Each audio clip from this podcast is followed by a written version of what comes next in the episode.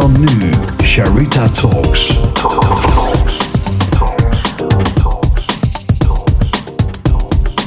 Sharita Talks. Embrace your vulnerability. Sharita Talks. Welkom bij weer een nieuwe aflevering van Charita Talks met deze keer Marilotte.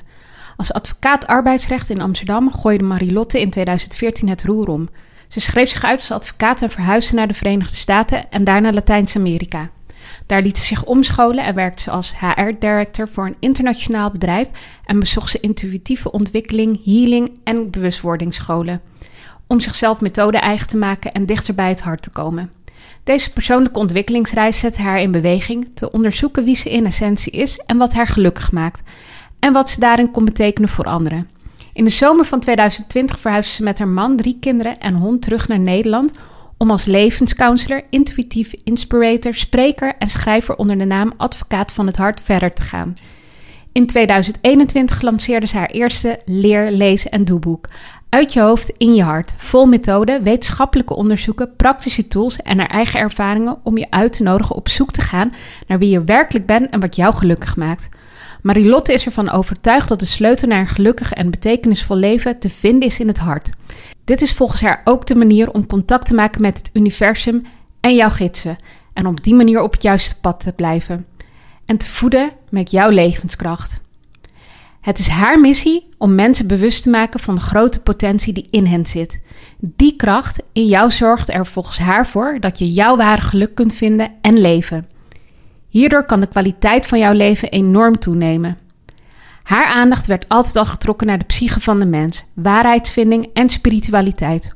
Op heel jonge leeftijd maakte ze kennis met universele intelligentie en kwam ze erachter dat er meer is tussen hemel en aarde. Ze besloot deze natuurlijke vaardigheden zich verder eigen te maken. Door de licenties die ze inmiddels heeft behaald in Amerika, Latijns-Amerika en Nederland voor diverse methoden om dichter bij jouw hart te komen, kan ze in haar praktijk de boeiende combinatie maken tussen de westerse psychologie, Oosterse zen counseling en intuïtie.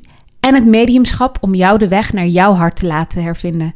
Over dit en nog veel meer gaan we het hebben in weer een mooie aflevering van Charita Talks.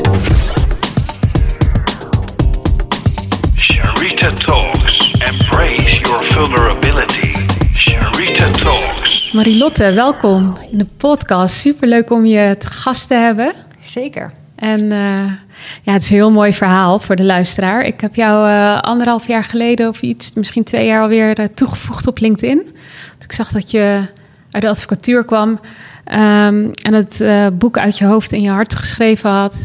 En toen dacht ik, wauw, dit, dit is een dame die dezelfde, tenminste niet dezelfde missie, maar dat onze missies wel heel erg veel, het, het, ja, hetzelfde doel hebben. Um, toen op Instagram volgens mij elkaar gaan volgen. En uh, dit jaar elkaar voor het eerst live gezien in Utrecht. En nu zit je hier. Ja, zeker. Heel erg leuk. En um, ja, ik vind jouw verhaal... Onze verhalen komen heel erg overeen. Dat, dat, dat was, was een hele feest van de herkenning. Um, want jij bent in... Uh, jij was advocaat arbeidsrecht. En in 2014 heb je het roer omgegooid. Klopt, inderdaad. Ja, dus ik ben naar het buitenland verhuisd, Amerika. Ja, net zoals jij eigenlijk naar het buitenland bent verhuisd. Ja. En dat was ook mijn moment dat ik uit de advocatuur stapte. Uh, verhuisde voor het werk van mijn man. Maar doordat ik eigenlijk werd losgeweekt uit de advocatuur, begon eigenlijk naar wie ik ben en waar ik voor sta.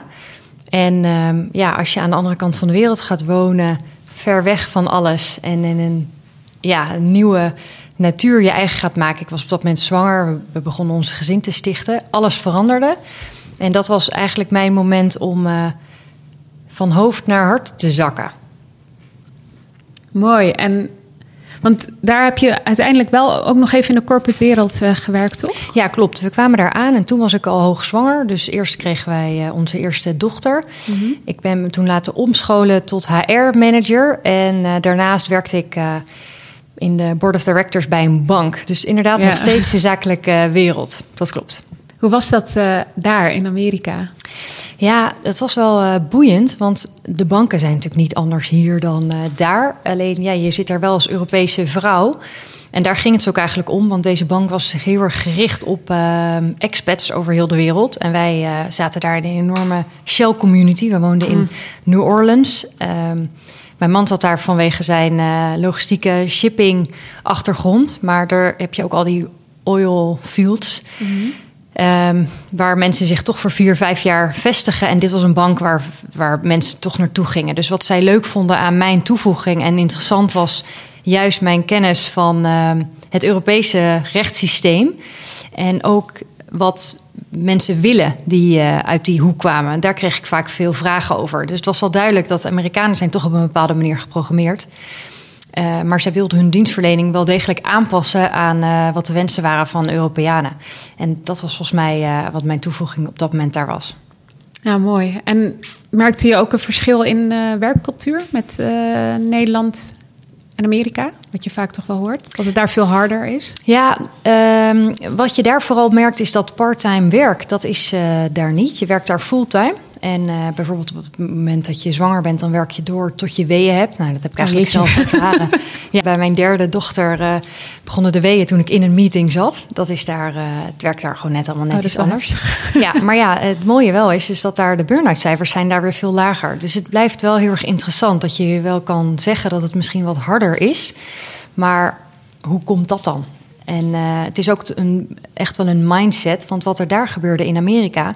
was dat wij door de week barbecues hadden of op zondag. Dat maakt allemaal niet uit. Waarbij in Nederland heel erg de cultuur is... dat je sociale leven zich erg richt op... Nou, misschien donderdag, maar vooral vrijdag en zaterdag. Of ja. zondag overdag. En in Amerika gaat het eigenlijk de hele week door... Juist omdat je de hele week ook werkt. Dus ja, het heeft altijd zijn voor- en zijn nadelen en uh, verschillende kanten. Zo heb ik dat ervaren. Ja, dat herken ik wel. Dus uh, misschien is het ook wel echt iets heel Nederlands. Hè? Want op Curaçao was het ook zo. Je, ging, je werkte wel heel hard. Maar ik heb het gevoel dat ik daar echt wel hard gewerkt heb. Maar de ontspanning was driedubbel verdiend. Maar ook dat werd net zo hard uh, daarna gewoon ontspannen. Work hard, play hard. Ja. Dat paste heel erg ja. bij volgens mij. Ja. ja, zo heb ik het echt ervaren ja, dat is nog wel iets wat hier. Er werd niet alles in één weekend gepropt. Je ging gewoon inderdaad uh, op dinsdag. Uh, ja, je had dan op Curaçao op dinsdag en donderdag van die, van die vaste dagen waar dan mensen inderdaad. En die uh, drive-in bioscopen, toch? Dat is ook daar. ja, op, ja, ja, ja. Mambo ja, Beach. Mambo. Ja. dat bestaat niet meer, inderdaad. Nee, inderdaad. En. en je dan ook weer mooi maken om uit te gaan. Dat is, dat, dat, dat, is een hele... heel erg in Amerika, inderdaad. Want overdag zie iedereen er in een sporty outfits uit, inderdaad. Ja, behalve als je aan het werk bent. Ja. Maar uh, het is geinig een hele transformatie als ze inderdaad het nachtleven ingaan. Ja, leuk. En um, daarna zijn jullie naar Latijns-Amerika vertrokken. Klopt. Waar zijn jullie naartoe gegaan? En wat, wat, wat, wat, welk verschil merkte je daar weer? Ja, we wilden eerlijk gezegd niet weg uit Amerika. Maar Trump werd uh, president. En die wilde natuurlijk de Mexicanen weg. Maar ja, Europeanen net zo hard. We waren buitenlanders. En mijn man... Uh, had op dat moment besloten om uh, voor het Nederlands rederij, waarvoor hij waar eigenlijk naar het buitenland verhuisde, besloot hij voor zichzelf te beginnen en een Amerikaans bedrijf op te starten. Maar um, ja, Trump uh, ziet dat dan anders met visumaanvragen. Um, en toen besloten we om um, naar Latijns-Amerika te gaan, wat in dezelfde tijdzone is, maar best wel opkoming is. En in Guatemala heeft qua logistiek scheepvaart oogpunt heeft twee verschillende havens. En is van oudsher de Maya Capital. Dus dat vonden wij, uh, ja, dat leek ons wel wat. Waar een Costa Rica toerisme is, Panama meer van banking. Als je het dan hebt over logistiek, dan, dan zou dat het zijn. Maar dat was wel keihard. Want hij bleef het hoofdkantoor houden in Amerika. Dus hij vloog wel veel heen en weer. Maar met keihard bedoel ik de rauwheid. Want in landen als Guatemala, El Salvador, Honduras is het arm-rijk verschil extreem hoog. Um, dus wij woonden op een um, compound waar de ambassademensen woonden en de, ja, de rijken, zoals dat mm. dan heet. Um, dus onze buren hadden een helikopter en we woonden beveiligd met uh, altijd die pistolen uh, in het zicht van onze kinderen. En dat is wel, uh, ja, dat is wel heel anders dan wij in Nederland gewend zijn. Dus ik, op een gegeven moment snakte ik ook wel ernaar om weer terug naar Nederland te gaan. Maar de ervaring was waanzinnig. Want in landen als Latijns-Amerika eh, ja, wat mij zo interesseert daarin is dat de linker en rechter hersenhelft, die werking, dat hebben zij nog steeds omarmd met de Maya en de shamanistische taferelen. Dus daar is nog meer voor mij ehm, ja, de verdieping gekomen in eh, het werk wat ik nu doe, wat echt op het hart gericht is. Omdat ik daar zo werd geïnspireerd. Enerzijds door de warmte, de manier hoe Latijns-Amerikanen in het leven staan. Want neem een verjaardag, daar wordt niet alleen maar langs als leven gezongen. Nee, dat, daar feesten ze echt. Dat zijn echt. Ja, het is zo uh, expressief en passievol. En ja, ik hou er echt van. En dan samen dat met de dieren en de rauwe natuur. En uh, echt samenleven met de aarde, dat blijf ik echt prachtig vinden. En je zag het ook, vond ik heel erg terug bij onze kinderen. Mijn oudste dochter, die daar kleuter was. En daar al leerde wat het verschil is tussen je ego en je ziel in de vorm van de twee hersenhelften. Ja, dat, dat is in Nederland niet. En daar hebben ze, ja, daar hebben ze echt nog, vind ik, dat nog meer omarmd. Ja, je kan het dan ouderwets vinden, maar volgens mij gaan we juist weer terug naar Mhm. uh, de oude tradities en het shamanisme. Dus ik voel me een rijk mens dat ik daar even heb mee van kunnen genieten. Ja, shamanisme, daar komen we zo op. Dat gaat, uh, ik ga er helemaal van klappen voor de luisteraar die natuurlijk niet kan zien. Um, want jij bent, of jullie zijn in de zomer van 2020 uh, weer teruggekomen naar Nederland. Klopt. En um, toen ben je meteen, uh, ja, ben je meteen aan de slag gaan als uh, intuïtief inspirator, levenscounselor, spreker, schrijver. Een medium onder de naam Advocaat van het Hart, wat ik echt een prachtige naam vind. Ja. Want dat is precies wat er nodig is. Um, en in 2021 kwam je boek uit, uit je hoofd in het hart. Ja, die had uh, wat corona-vertraging inderdaad. Want ik heb mijn boek geschreven in Guatemala. En uh, we wilden, ja, ik wilde heel graag terug naar Nederland, omdat ik heel erg voelde: um, ik ben hier nodig. Ik uh, heb hier wat te brengen met die boodschap uit je hoofd in je hart. En mijn man wilde heel graag in het buitenland blijven, nog steeds. Maar voor mij voelde het van nee, ik, ik, uh, ik moet terug. En wij zijn eigenlijk midden in de pandemie in Guatemala vertrokken. Dus we zijn zeg maar een soort van gevlucht. Doordat onze kinderen Amerikaans zijn, uh, konden, ja, werden we door de Amerikanen weggehaald. Want het was niet zo'n fijne situatie om in een ontwikkelingsland te zitten tijdens die pandemie.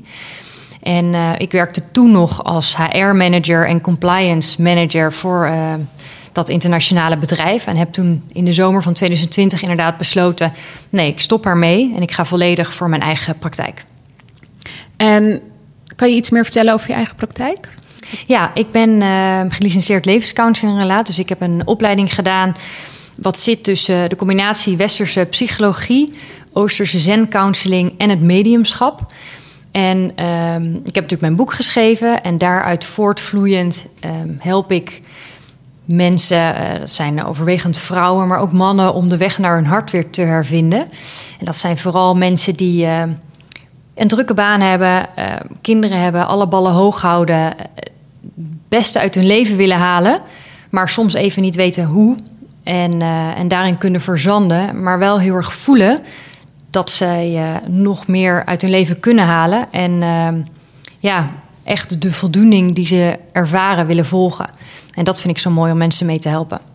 Want jou, jouw interesse lag er eigenlijk altijd al. Hè? Dus Klopt. in de psyche van de mens, waarheidsvinding en spiritualiteit. Want ja, het is. Um, dan ook wel grappig dat je eerst rechten bent gaan studeren. Ja, dat is, dat is ook wel inderdaad. Ik uh, als kind was voor mij er al meer tussen hemel en aarde. Ik, ik communiceerde met uh, dieren, met vogeltjes die voorbij kwamen. Ik zat het liefst in, in grasvelden. Uh, heel erg één met de natuur. Ik, uh, ik zag entiteiten s'avonds en was als kind dus enorm bang in het donker. Mm -hmm. Maar ja, dat werd niet heel erg serieus genomen in de omgeving waar ik ben opgegroeid. En ik kan het zo ook niet kwalijk nemen, want er is op dit moment veel meer openheid voor, voor ja, nieuwe tijdskinderen, noem het maar zo. En bij mij zijn die sluiers nooit helemaal weggegaan. Dus ik heb altijd de sfeer in een ruimte enorm goed kunnen aanvoelen. Of hoe iemand zich voelt. Of had het dan over uh, iemand. En dan werd er gezegd, uh, ja, die is pas overleden. Of uh, ja, die voel ik altijd bij me. Dus ik, haar fijn voelde ik dingen aan. Um, ik wilde ook eerst iets anders. Ik ben uitgeloot. En rechten, ja, uh, ik was iemand die erg van rechtvaardigheid hield. Eh, ik ben stier van sterrenbeeld, dus ik ben... eh, ja, ik, ik, ik, ik ben ook best koppig eh, in een, op een bepaalde manier. Dus rechten, ja, past er eigenlijk wel bij. En nu met de wetenschap van, ja, als je dan recht gaat studeren, ja, en je zit bij, eh, ik zat bij het koor in Utrecht, dan gaan er ook bepaalde deuren voor je open. En zo rol, en ik had in allerlei besturen gezeten, dan rol je eigenlijk, zonder dat je het weet, onbewust de advocatuur in. Eh, want zo liep het nou eenmaal. Het ging gewoon goed met die studie en ik deed bepaalde stages. En achteraf gezien heb ik er ook natuurlijk wel heel erg veel geleerd. En gebruik ik die ervaringen van toen in het werk wat ik nu doe. Om mensen die ook enorm in hun hoofd zitten, zoals ik altijd zat, om hun te helpen om meer in hun lijf, in hun hart te komen. Dus ik ja, ben heel erg dankbaar voor hoe het allemaal is gelopen. Eh, maar als je kijkt naar wat ik nu doe, dat lijkt dan inderdaad precies de andere kant op van eh, de advocatuur. Maar volgens mij is het zo gegaan, zodat ik de ervaring heb om anderen te kunnen helpen. Ja, want op zich, ja, eh, arbeidsrecht bij natuurlijk ook wel. Ja, die Echt hoek zit ik op mensen. zich nog steeds. Ja, Ja, klopt. Arbeidsrecht helpt je. mensen. Ja, je, in het arbeidsrecht, ik stond eh, grote clubs bij als eh, KPMG, KLM. eh, ik heb die grote reorganisatie gedaan bij de Bijkorf. Mhm. Maar aan de andere kant had je inderdaad directeuren, mensen met bepaalde functies... die je hielp om weg te komen bij bedrijven of helpen met een regeling. En daar kwam ook veel huilen, gevoelens, burn-out, ziektes kwamen daarbij kijken. Dus dat zijn ook bepaalde onderwerpen in levens waar mensen tegenaan liepen... wat net zo goed nu nog steeds is bij mensen die nu op dit moment bij mij eh, komen. Ja, en als je eh, ook kijkt nu, eh, daar hebben we het voordat we de podcastopname ook over gehad. Ehm, nu naar de advocatuur krijgen is het nog steeds hard nodig. En misschien harder dan ooit. Ja, en, en ehm, ik denk ook dat dat komt omdat we nou eenmaal te maken hebben met een collectief bewustzijn. Mensen worden wakker. Mensen geven meer ruimte aan het snakken naar: is dit het nou? Gevoelens. Ze snakken naar een bepaalde voldoening te halen in hun leven. Ze snakken naar een work-life balance. En weten niet zo goed hoe. En daarom, ja, dan kom ik inderdaad om de hoek. Maar vroeger, nou vroeger, dat is natuurlijk een beetje gek, want zo lang ben ik nou ook weer niet weg. Maar ik heb het idee dat toen ik begon in de advocatuur, was dat, ehm, dacht ik daar eerlijk gezegd niet zo over na. Ik, ik vond het eh, helemaal tof dat ik dat wist te bereiken. En ik vond het fijn om een goede baan te hebben. Ik vond het fijn om in een bepaald circuitje eh, te leven. En ik ging eigenlijk met de meute mee. Zonder echt na te denken over wie ik ben. En mij vragen te stellen over eh, wie ik ben en waar ik voor sta. En ik denk dat dat is het woord bewustzijn en zelfonderzoek. En ik denk dat ik daar niet heel veel ruimte voor maakte. Maar gewoonweg ook omdat daar niet heel veel ruimte voor was. Dus als je het over mijn spiritualiteit. ehm, ik deed ehm, toen, hebben we het echt over 2010 of misschien nog wel korter of eh, langer geleden.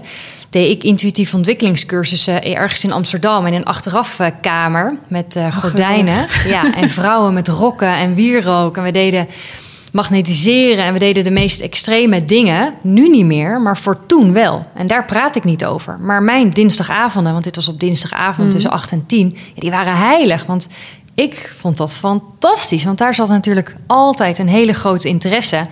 Omdat het voor mij voelde dat er meer is dan alleen de advocatuur of alleen een carrière of alleen het succes zoals wij dat kennen, geld verdienen, een bepaalde status hebben, en een bepaalde vriendengroep zijn. Voor mij was er altijd al meer dan dat, maar ik kon dat niet helemaal kwijt in de zakelijke wereld waar ik me in begaf. Dat is mooi, want jij bent dat dus gaan doen ter- naast dat je... Ja, ik deed dat dat, Stiekem, alleen mijn eh, Ja. patroon en tevens ook de naamhouder van waar ik werkte, die eh, wist er wel van, omdat hij wist haar niet bellen op dinsdagavond. dat, daarin was ik dan wel weer heel duidelijk. Oh, het is interessant, want vaak zie je dat die, die ontwikkeling, die spirituele ontwaking... eh, Daarna pas is. Daarna pas is. Of Ja. er moet iets gebeuren, of een burn-out, of eh, weet het, Ja. er gebeurt iets. Eh, maar jij deed het gewoon Ja, parallel. ik deed het Ja. maar zeg ik wel bij, dat was toen echt als hobby. Ja. Het was, dit was echt keihard een hobby. Maar ik heb nu dus eigenlijk van mijn, ja, mijn hobby nog veel serieuzer genomen en daarvan mijn werk gemaakt. Dus dat is wel mooi. En het is ook wel wat je zegt. Hè. Ik, eh, dit deed ik al inderdaad. En toen daarna eh, is bij mij een eh, chronische ziekte endometriose gediagnosticeerd. Eh, een ziekte aan je baarmoeder. Het werd gezegd dat ik geen kinderen kon krijgen. mijn man en ik waren daar toen helemaal nog niet mee bezig. Maar het was voor mij wel een enorme slop in mijn leven. Die veel roet in het eten gooide. Want ik moest toen gedeeltelijk stoppen met werken. Waardoor ik ruimte kreeg om nog meer op zelfonderzoek te gaan. Maar ik was toen al bezig met deze cursussen in de avonturen, ja. Interessant. Het wordt uh, inderdaad tegenwoordig... Kun je daar meer open over zijn? Hoewel ja, dat... zeker. Tenminste, ik ben ook pas, denk uh, eind vorig jaar echt naar buiten getreden op LinkedIn. Dat ik dus ayahuasca doe en kambo. en uh, dat shamanisme echt mijn, mijn ja. geloof is. Omdat ik het op LinkedIn nog best wel lastig vond. Ik dacht, ja, uh, dan denken ze straks dat je die, die gek ja. bent die op kantoor zit. Maar er werd heel positief op gereageerd. Dus het, er is steeds er is wel nieuwsgierigheid naar, laat ik het zo zeggen. Ja, nieuwsgierigheid, maar nog niet altijd even openheid. Nee. Het heeft denk ik echt zijn uh, tijd nodig. Want toen ik terugkwam uit Latijns-Amerika naar Nederland... ik ben weggegaan als advocaat, toen was ik dat ook echt nog. Ja. En toen kwam ik terug en toen begon ik mezelf advocaat van het hart te noemen. Maar ik, ik ondervind veel weerstand. Omdat mensen het niet begrepen. Want ik zat toch in dat hokje advocaat. Dat was toch heel duidelijk uh, hoe en waar ik dan voor stond. En wat doe je dan nu? En mensen namen dat ook niet altijd even serieus, omdat ik dan snel uh, het plakkertje kreeg: oh, dus ze zal wel een burn-out hebben gehad, of ze zal wel dit, of ze zal wel dat. Maar dat is bij mij helemaal niet het geval. Dit is een hele bewuste keus geweest om het roer inderdaad van de ene kant naar de andere kant om te gooien. Ja, en, en echt je eigen pad uh, daarin te kiezen ja. en je hart te volgen. Precies. Want die. die ja. Want hoe, wat, wat is het moment geweest dat je wist van oké, okay, maar dit, je wist er natuurlijk al van, ja, het zat er altijd al in, want je had het als kind al. Maar dat je echt wist van oké, okay, ik wil dit ook. Hè, je hebt een heel mooi boek geschreven. Ik wil dit ook echt gaan uitdragen en uh, daarmee een verschil maken in de wereld. Ja, dat is dan. dan eerst deed ik dus die, die uh, gekke dingen in Amsterdam. en daarbij deed ik ook uh, intuïtieve ontwikkeling, cursussen en uh, gids- en engelencursussen bij Bonnie Bessen, wat later het ja. Levenscollege werd. Dat was allemaal nog Nederland. En toen in 2014 ben ik naar een healing en een healing arts school gegaan in New Orleans. En dat is dan echt wel gaaf, want Amerika is dan net weer een stapje verder. Dus daar leerde ik allerlei body readings technieken. Um, en uh, werd ik, kreeg ik die licentie voor Access Consciousness Bars. Dat is een bepaalde theorie, uh, therapie met drukpunten op je hoofd. Dus ging ik al, dat deed ik dan weer naast de Board of Directors. Dus ik deed altijd wel daarnaast. En in Guatemala heb ik, ben ik veel naar Maya's geweest. En heb ik uh, me meer ja, methodes eigen gemaakt om dichter bij het hart te komen. En ik deed wat ik kon doen, uh, volgde ik de opleiding tot gelicenseerd levenscounselor. Wat ik kon doen in het buitenland deed. En dat zag dan echt meer op, um, um, ja, op werkvlak en privévlak. Die combinatie tussen de psychologie en, uh, en Oosterse zen-counseling en dat stukje mediumschap. En voor mij kwam de omslag om uh, hier echt wat voor mensen mee te doen, was dat heel vaak kwamen mensen bij mij met hun problemen, vriendinnen. En ik weet nog dat ik een keer een vriendin van mij was, een Guatemalteekse uh, vrouw. En ik viel een beetje tegen haar uit. En ik zei: Jezus, zeg, kom jij weer met je gezever aan? Kunnen we ook gewoon lol maken en lachen? Want dat is voor mij vriendschap. En toen reageerde zij met: Maar ja, hé hey Lot, ik kom gewoon nou eenmaal graag bij jou met, jou, met mijn uh, shit, want jij kan het oplossen. Dus als, als jou dit niet meer zint, dan moet je er geld voor gaan vragen. En dat was eigenlijk voor mij de trigger. Uh, eigenlijk heel mooi hoe het is gelopen. Dat ik dus eerlijk durfde te zijn tegen een hele goede vriendin van mij. En uit de band sloop. Uh, want het was gewoon de druppel die de emmer deed open, mm. overlopen. Omdat er een aantal deden dit bij mij. En dat zij dan dat zo op deze manier een spiegel voor je had. Van ja, maar jij kan dit. En dat was zeg maar... Ja, toen ik in Guatemala woonde. En toen ben ik de cursussen die ik al volgde is gaan bekijken of ik, want ik deed ze voor mijn eigen zelfonderzoek, maar je kan natuurlijk dit soort cursussen altijd draaien naar en dan voor anderen. En zo is bij mij het balletje gaan rollen. Interessant. Leuk hè? Ja, heel leuk. Ja, ik, en er, ook dit is weer herkenbaar. Het, uh, je hebt natuurlijk die healer energy. En dat, ja, mensen komen nou eenmaal naar je toe. Ja. Maar, uh, hier hadden we het eerder vandaag ook over, dat je daar wel meer uitkijkt dat je daar niet zelf leegloopt dan. Inderdaad. En dan op een gegeven moment uitvalt. En dat deed ik dus, Ja. ik liep leeg. Want Ja. ja, je wil ook eh, sociale dingen doen en gezelligheid, omdat je daarvan oplaat. Maar als Ja. je alleen maar mensen aan het helpen bent, dat zijn, dus, dat zijn ook jouw leuke momenten. Je moet wel joy ervaren in je Mhm. leven. En als die alleen maar serieuze gesprekken worden. Dus ja, ik ben eh, tot op de dag van vandaag echt te gek dat ik eh, dat zo heb uitgesproken tegen haar. En ehm, ja, van het een komt dan wel het ander. Want in Nederland, als ik dan, als ik dan mensen, vriendinnen van mij belde of zo, dan viel me op dat zij zo klaagden. En altijd het slechte zagen van hun leven. Terwijl mijn vriendinnen, die ik dan aan de telefoon had, nou, dat waren bijvoorbeeld de advocaten die ik nog kende, ja, of, of mijn clubgenoten of vriendinnen van weet ik veel wat. Maar het viel mij zo op dat ze zo klaagden. En ik dacht toen bij mezelf, Jee, ze zijn gewoon echt vergeten hoe het is om gelukkig te zijn. En toen eh, werd ik me eigenlijk bewust van... hé, hey, dat ben jij... En, en oordelen, hè? Dat, dat ken je wel ook van Ja, het Nederlands. ja, ja. Het oordelen, heel veel verwachtingen. En toen dacht ik bij mezelf... maar hoe kan het nou dat ik dat niet meer heb? Tuurlijk, ik verzand ook wel eens in... eh, dat ik niet lekker in mijn vel zit of ga klagen. Maar waarom is dat niet mijn grote rode lijn in mijn leven meer? Ik, ik probeer alles meer positief te zien en een bepaalde vrijheid te ervaren in mijn gedachten. En dat is eigenlijk voor mij de, de trigger geweest om mijn boek te schrijven. Want mijn boek Uit je hoofd in je hart is de rode draad, is mijn eigen verhaal. Werkende op de Zuidas. Je loopt tegen bepaalde dingen aan. Eh, nou, ook bijvoorbeeld eh, toen ik ziek werd. Ehm, en het besef dat er meer is dan die definitie van succes zoals ik die op dat moment zag. En wat voor een vrijheid mij het heeft gegeven eh, door mijn eigen kleuren te laten zien. En die oordelingen, oordelen, veroordelingen, verwachtingen meer naar de achtergrond te parkeren en eh, om te gaan, om te leren gaan met die mindfucks. En ja, dat is eigenlijk uitgegroeid met mijn boek. Want mijn boek staat. Ik heb eerst onderzoek gedaan naar wat is er nou eigenlijk bewezen. Want dat past dan bij mij, Ja. hè? Rechte achtergrond. Het wetboek was leidend.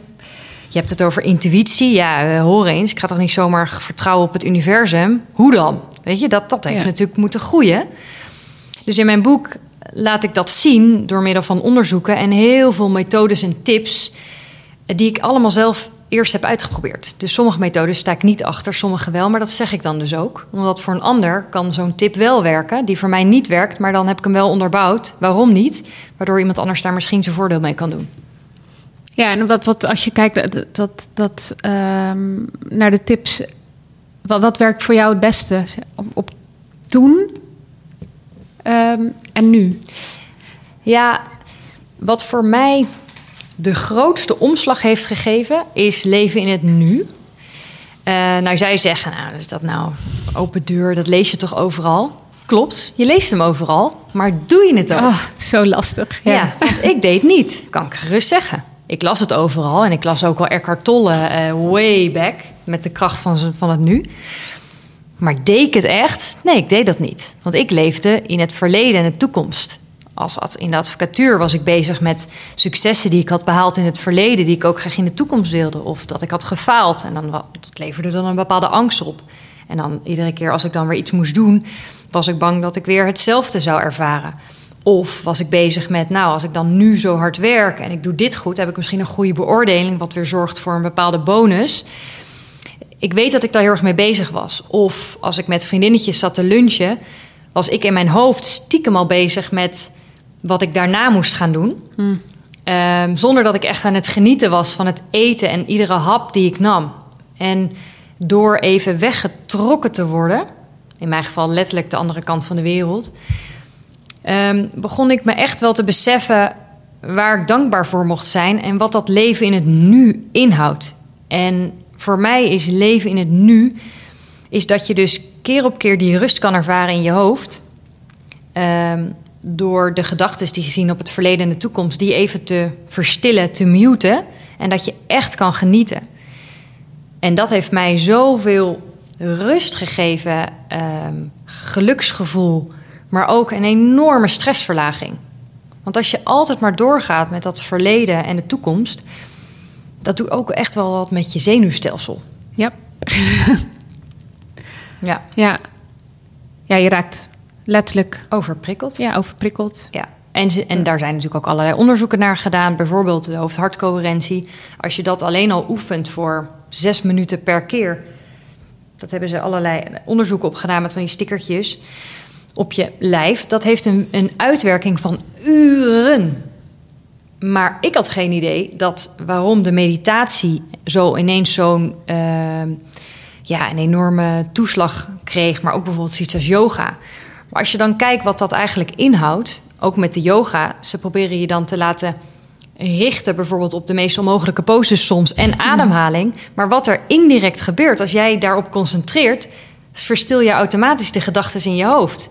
En wam, wat voor een ruimte ontstaat er dan als, als je dat aan het beoefenen bent? Hetzelfde met dus meditatie, waarbij je stil moet zijn of met de geleden meditatie een stem moet volgen. Um, je probeert je monkey mind probeer je te verstillen. En op zo'n moment creëer je ruimte. En dat is de ruimte die je hebt om meer in je lijf te komen of meer in je hart te komen, meer je voeten in de grond te voelen. En dat is zo gezond en heeft zo'n grote bijdrage voor je levensgeluk. Ja, ik kan het alleen maar beamen. Ja. Het betekent niet dat ik altijd, altijd, ik bedoel, ik ben ook maar mens, dat ik altijd in het hier en nu ben. Maar als ik het echt nodig heb, uh, vooral in mijn corporate businesses, dan, dan pak ik echt een meditatie erbij. Ga ik letterlijk gewoon liggen hier. Heerlijk. En dan ga ik mediteren midden op de dag. Ja. Dat is dan de enige manier om dan weer te zakken. En inderdaad, yoga. Ja, nou, het is een voorbeeld hoor, maar het is natuurlijk. Er zijn zoveel Schrijven kan natuurlijk ook, journalen helpt bij mij ook. Ja, precies. Of, of nou ja, goed, um, voor de luisteraars. Uh, ik heb een vrij uitzicht en een stoel die voor het raam staat. En daar zit jij net, ook in. Ja. ja. heerlijk. En dan naar buiten staren. Letterlijk gewoon naar buiten staren en over de Maas kijken. En hoe de bootjes voorbij ja. varen en de schepen. En, maar wel in stilte. Ja, en die stilte, dat is natuurlijk een hele belangrijke. Want als je altijd maar doorgaat op die automatische piloot, dan maak je eigenlijk geen ruimte voor stilte en verstilling. En als je maar doorgaat, dan blijf je maar aanstaan. En dan loop je energie wel leeg. Dus het is wel heel erg belangrijk om voor jezelf te weten en te onderzoeken. Waar laat ik nou van op en hoe werkt mijn energiecentra? Hoe werken die in mijn lichaam? Zodat je op tijd aan de bel kan trekken, je grenzen kan stellen en kan ontdekken wat jouw manier is van opladen. En ik denk dat in de maatschappij waar wij nu in leven, dat wij, uh, we worden heel erg opgeleid in, in succes, in werken, want daar worden we natuurlijk ook voor beloond. Mhm. Maar we worden eigenlijk niet opgeleid om, van kind af aan niet, om ook heel erg op jezelf te letten en uh, je eigen moeder te zijn. Uh, en op te laden wanneer je dat nodig hebt. En dat vind ik heel erg zonde, maar dat is wel heel mooi wat ik natuurlijk mensen kan meegeven als we het hebben over uit je hoofd in je hart. Omdat je daarmee en je werkgeluk een boost kan geven, maar ook je potentieel. Want als jij lekker in je vel zit en je energieniveau optimaliseert, ja, dat is geen rocket science dat het ook een effect heeft op je werkprestaties. Ja, exact. En daarmee ook, uh, uh, als je kijkt naar de, nou, specifiek naar de advocatuur en corporate wereld, ook dan daarmee de burn-outs. Uh, ja aangepakt uh, kunnen worden. Wat veel speelt bij de, bij de jongere generatie. Ja. Of ze gaan weg. Nou, dat. En ik heb onderzoek gedaan waar komt nou die burn-out vandaan. Hè? Maar er zijn natuurlijk de TNO, eh, die heeft het natuurlijk ook allemaal gedaan. Dus ik heb die, die onderzoek gelezen. En dan, dan merk je ook dat waar. Wat is nou de grootste oorzaak van een burn-out? Dat is de lek aan autonomie. Want wat gebeurt er, ook in de corporate wereld of noem het op.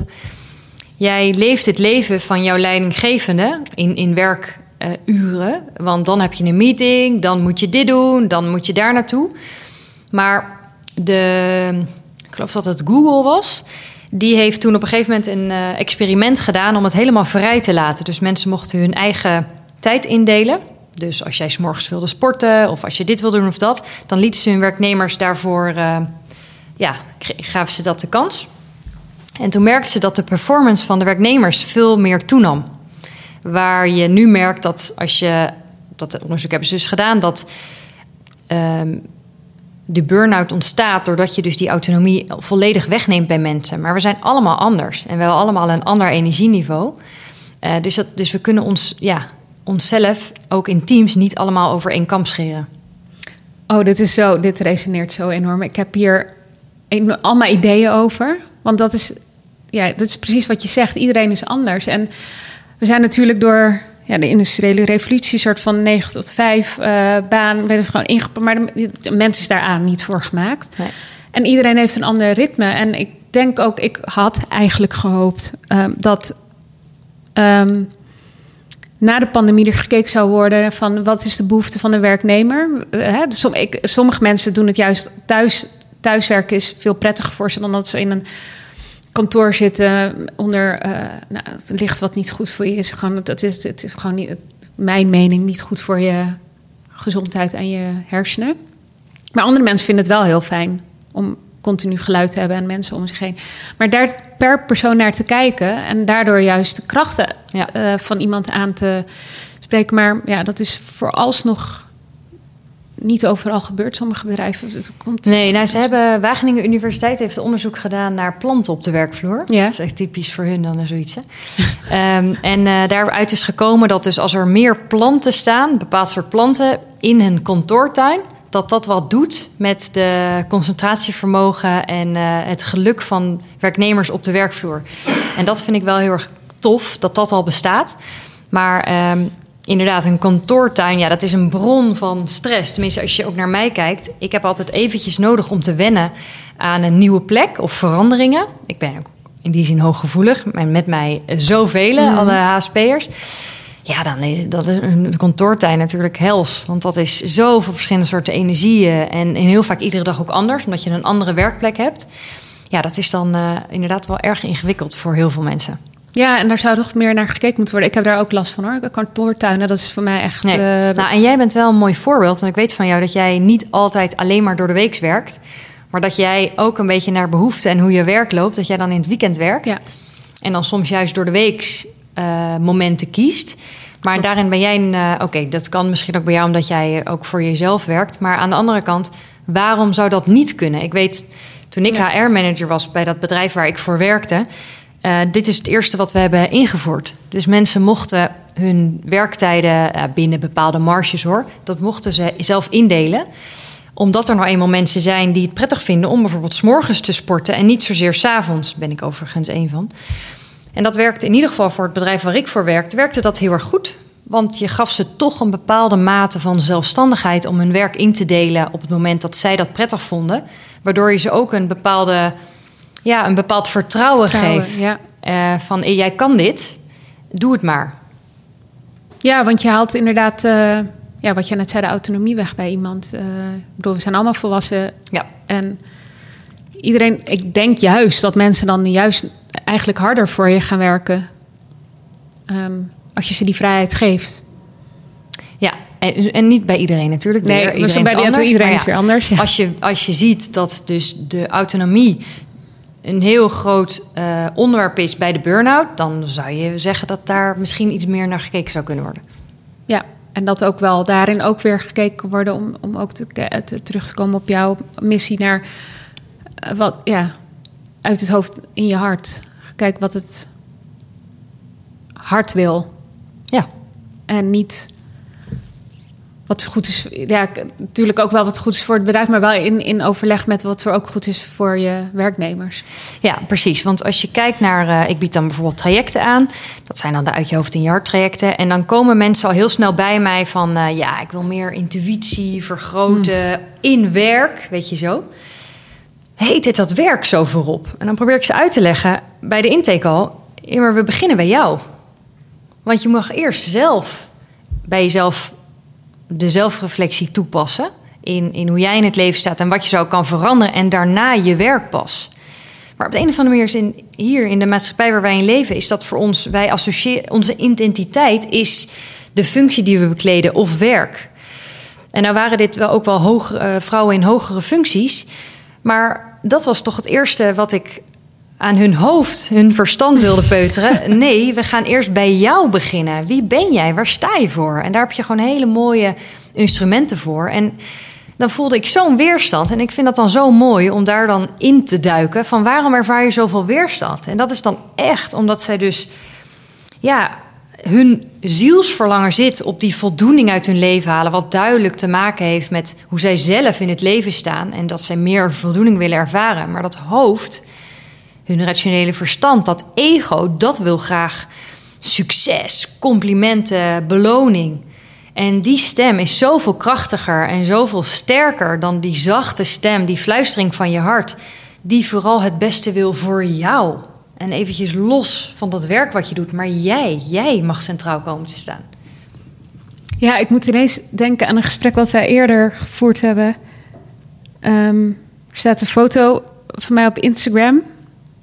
Ehm, waarin ik echt in mijn hart gezakt ben. En daar, is- daar, daar zie je ook het verschil van dat ik uit mijn hoofd in mijn hart gegaan ben. Ja. En die zachtheid, wat, wat je dan ervaart, wat je dan ook echt ziet in iemands gezicht. Ja, jij postte die foto van jouzelf en toen heb ik jou daar inderdaad een berichtje over gestuurd Ja. van jeetje, wat een mooie foto, omdat in die foto kwam heel erg jouw zachtheid naar voren. En jij bent een carrièrevrouw, super knap waar jij staat en met je eigen bedrijven en die in, nog steeds in die juridische wereld. Hè. Je doet echt beide kampen. Maar op die foto zag ik eventjes echt de, jouw hart naar voren komen. En waarom het mij opvalt, is dat zijn de transformaties die ik graag zie in mijn Ja. praktijk. Want mensen komen bij mij binnen oververhit, ratelen door. Of doen één stap in mijn praktijk en barsten in tranen uit. Want ja, ehm, ze komen natuurlijk met een, een bepaald probleem of, of willen iets.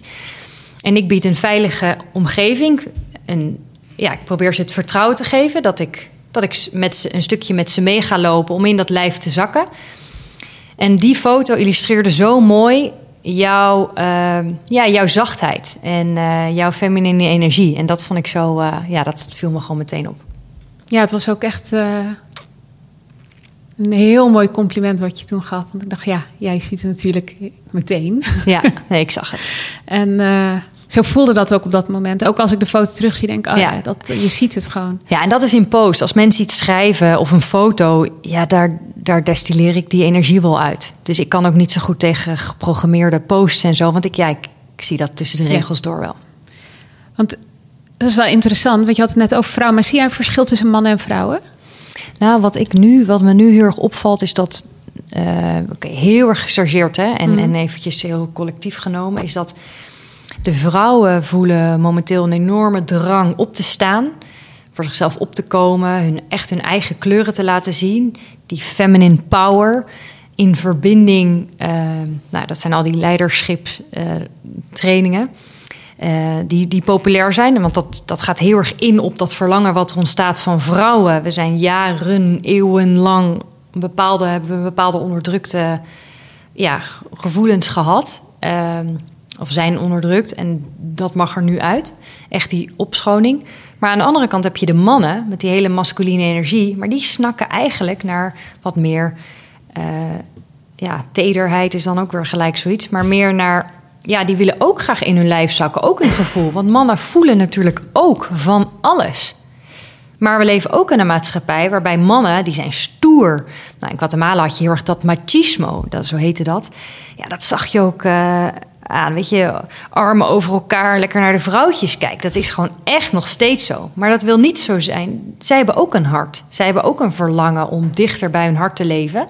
Dus wat ik heel erg merk is dat, ja, dat we meer naar elkaar toe gaan.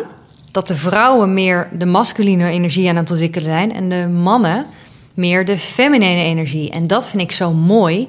Dat we dan uiteindelijk in een balans terecht gaan komen. Waarbij de beide energieën weer echt de yin-yang elkaar eh, kunnen vinden. Waarbij het nu heel vaak uit balans was.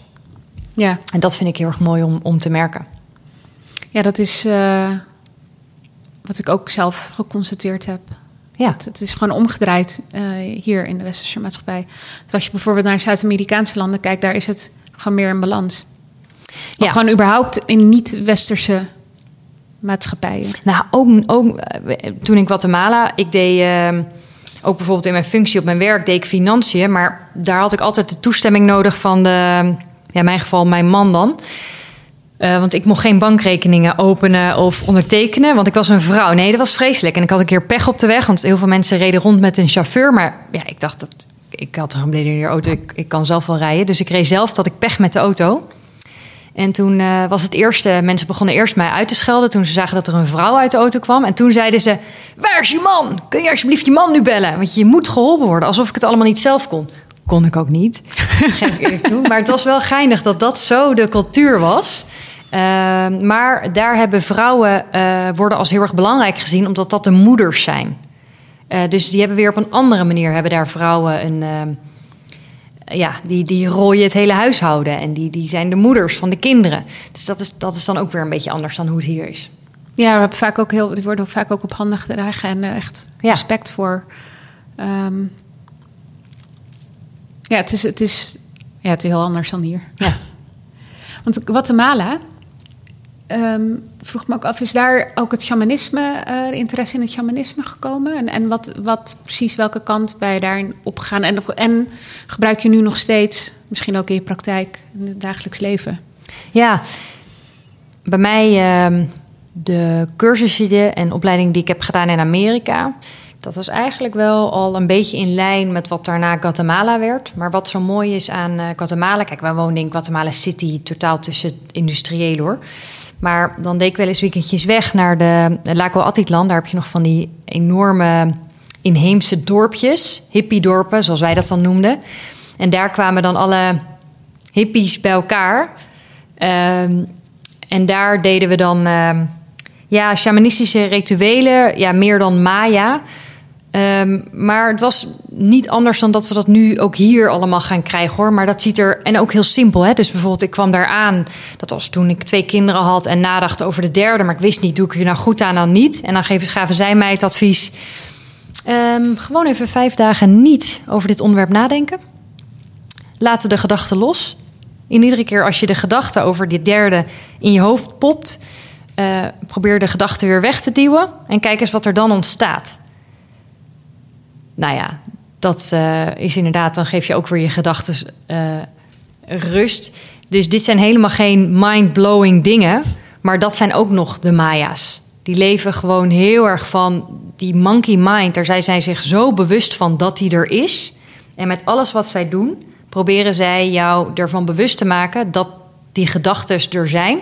En dat je die kan eh wegswipen, kan inruilen voor welwerkende gedachten voor jou. Maar dat is niet anders dan de positieve psycholo- psychologie, eh, die we nu natuurlijk ook heel erg hier nu eh, inbedden. Ja, want wat, wat het denk ik wel echt een heel groot verschil is met hier. ehm, tenminste, wat mij opvalt en wat mij steeds meer, ja, waar ik steeds meer ook wel vaak, steeds vaker over heb. Ik denk dat ze daar al aan kinderen al vanaf heel jongs af aan meegeven. Waar de hier echt wel. Ja, nee, dat is wat ik vertelde van mijn dochter. Ja. Die zes was en terugkwam eh, het verschil tussen je linker en je rechter hersenhelft. Dus linker hersenhelft het de rationele brein, je, ehm, je ego, ego. En rechts zit je creatieve denkvermogen, daar zit je geluksgevoel, daar zit ook je intuïtiviteit. En daar leren ze inderdaad al heel jong dat die twee er zijn. Ze zijn ook heel erg gelovig. Dus alles is eh, religieus. Het katholieke geloof is daar heel groot nog met, met processies, met bepaalde eh, rituelen. Alleen soms denk ik wel eens, kijk, zij geven het naampje eh, het katholieke geloof eraan. Maar religie is wat wij ook geloven in dat er meer is, dat de bron er is, het universum.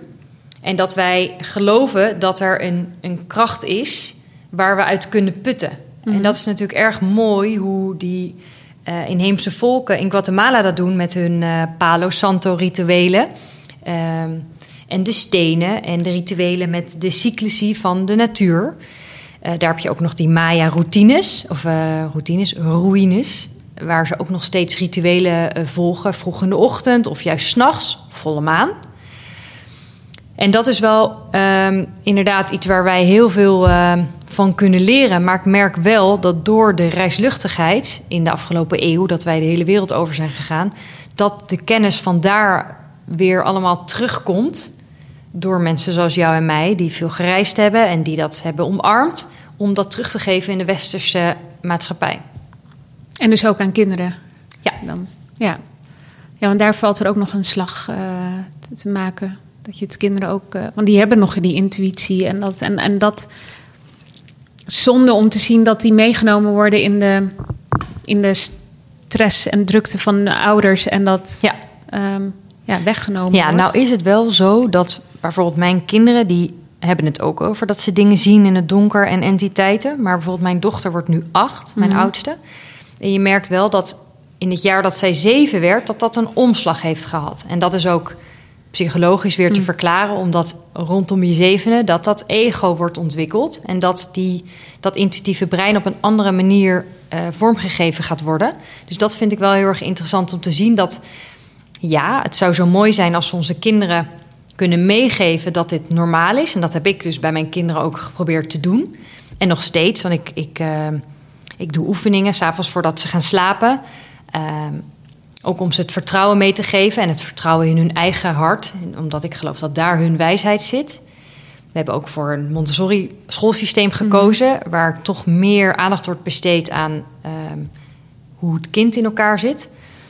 Eh, maar er is ook nog zoiets als dat als kinderen ouder worden, ehm, dat dat brein verandert. Ja. Maar je hebt helemaal gelijk. Ik, eh, ik mag hopen dat, we, dat die schoolsystemen iets veranderen. Alleen ik, ik, eh, daar gaat echt wel veel tijd overheen. Ja, ja, dat denk ik ook wel. Dat eh, duurt nog wel even voordat die inzichten er zijn. Ja. En als je kijkt naar, eh, naar je dagelijks leven en shamanisme, wat, eh, hoe heb je dat samengevoegd? Voor mij is het. ehm, ik ben op mijn gelukkigst als mijn gedachten kan verstillen. En als ik dus inderdaad afstem op mijn hart. En ja, in, in de routine van de dag lukt het niet altijd om die tijd te maken. Maar ja, mijn intentie is echt om iedere dag terug te gaan naar het hart. Door middel van of een wandeling in de natuur. Of mediteren. Ehm, ik heb inderdaad een schrift die ik bijhoud, journaling. Ik trek kaarten om telkens terug te gaan naar dat hart. Omdat mijn keuzes die ik maak, probeer ik altijd te baseren op mijn intuïtie en op wat mijn hart van de bepaalde situatie vindt. Omdat ik merk dat daar de juiste beslissingen uit zijn voortgekomen. En de beslissingen die ik heb gemaakt, die vooral uit mijn hoofd zijn voortgekomen, die zagen dan ook, ook vooral op rationele dingen. Heb je nodig, hè? Ik moet Ja, ook stoppen voor een stoplicht. maar is niet altijd het beste voor Marilotte, ehm, die een missie heeft in deze wereld. Dus ja, voor mij is het heel erg belangrijk om iedere dag eh, echt in te tunen bij dat hart. En mijn familie weet het ook. Dus mijn jongste is bijvoorbeeld drie jaar, maar ook zij weet dat als mama eventjes alleen is en aan het mediteren is, dat zij niet binnen moet komen. En dat heb ik al van jongs af aan, heb ik ja, ze geprobeerd dat aan te leren. Omdat als ik in balans ben en happy, kan ik ook de leukste moeder zijn. Ja.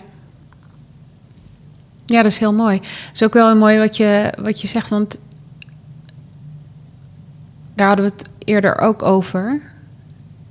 Ehm zei ik van, we zijn elkaar ook niet zomaar tegengekomen. Dat is ook iets geweest vanuit het hart. Ja, Ik zei tegen jou van, jij was de missing link voor mij. ja bijzonder. Voor hè? ons, voor, ja, voor ons bedrijven. Ja, en terwijl wij in zoveel dingen ook heel erg anders weer zijn. En dat Ja, vind ik juist ja. zo mooi. Dus, de, dus zeg maar de, de bepaalde achtergronddingen hebben we, we hebben dezelfde paden gelopen. Ook nog eens een keer in dezelfde jaren. We hebben ook bij Ja. dezelfde advocatenkantoor op hetzelfde moment stage gelopen. Ja. We kenden elkaar toen niet. Jij zat op een hele andere sectie dan ik, maar wel op hetzelfde moment. We hebben ook in dezelfde jaren gestudeerd, dezelfde jaren in Amsterdam gewoond. Dat is zo boeiend. En nu zit ik hier in jouw prachtig appartement met uitzicht op de Maas. Terwijl ik heel erg landelijk eh, en nog misschien wel landelijker ga wonen, wonen. ja. En dan heb jij over hier stilzitten, naar buiten kijken. Ik moet echt aarden, dus ik moet echt de natuur in, voet op de grond. ehm, ehm, ik had ook expres, dat is wel geinig voor de luisteraars. Ik had eh Charita ingeschat op bepaalde kaartendeks. Dus eh, ja, met bepaalde kleuren of bepaalde onderwerpen. Dus ik had mijn dierenkaartendek meegenomen. Lekker aards, de wijsheid van de dieren. En dat vond ik juist zo geinig, met heel veel kleuren. En, eh, en dat vind ik zo mooi aan jou en mij, dat wij eigenlijk hetzelfde zijn, maar op een andere manier onze kleuren laten zien. En dat is toch, dat, hoe mooi zou het zijn als we dat allemaal gaan doen? Dat we echt onze eigen kleuren durven te laten zien.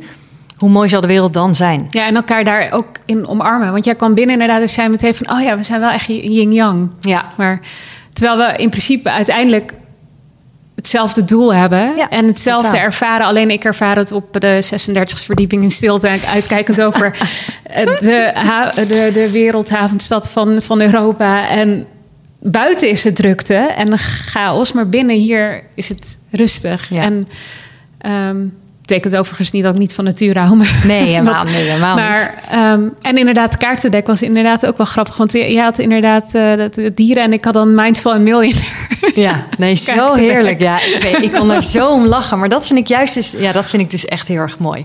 En dat ik ook aan jou vraag, ja, wat vind je nou eigenlijk van het idee dat ik wil gaan verhuizen naar eh, meer platteland? En, en jouw eh, visie erover, omdat juist jij, want jij zit hier inderdaad op de 36e verdieping en, eh, en heel erg stads. En dat vind ik zo mooi om, ja, dat je elkaar daarmee kan helpen, oordeelloos, maar in het belang van een ander. En dat zou ik zo graag willen voor de maatschappij waar we in zitten. Dat we elkaar omhoog helpen. In plaats van altijd maar naar beneden. Met de oordelen en de verwachtingen die we over bepaalde onderwerpen hebben. Want we zijn nou eenmaal heel anders. We zijn anders opgevoed. We hebben een andere opvoeding genoten. Andere leraren in ons leven gehad. Maar hoe mooi is het dat we allemaal wel die eigenheid en die authenticiteit mogen laten zien. En daar, dat is waar jij ook heel erg mee bezig bent. Ja. En ik ook. Want dat is natuurlijk wat ik probeer te creëren. Als mensen bij mij komen en ze snakken naar dat hart. Ja, dan gaan we onderzoeken.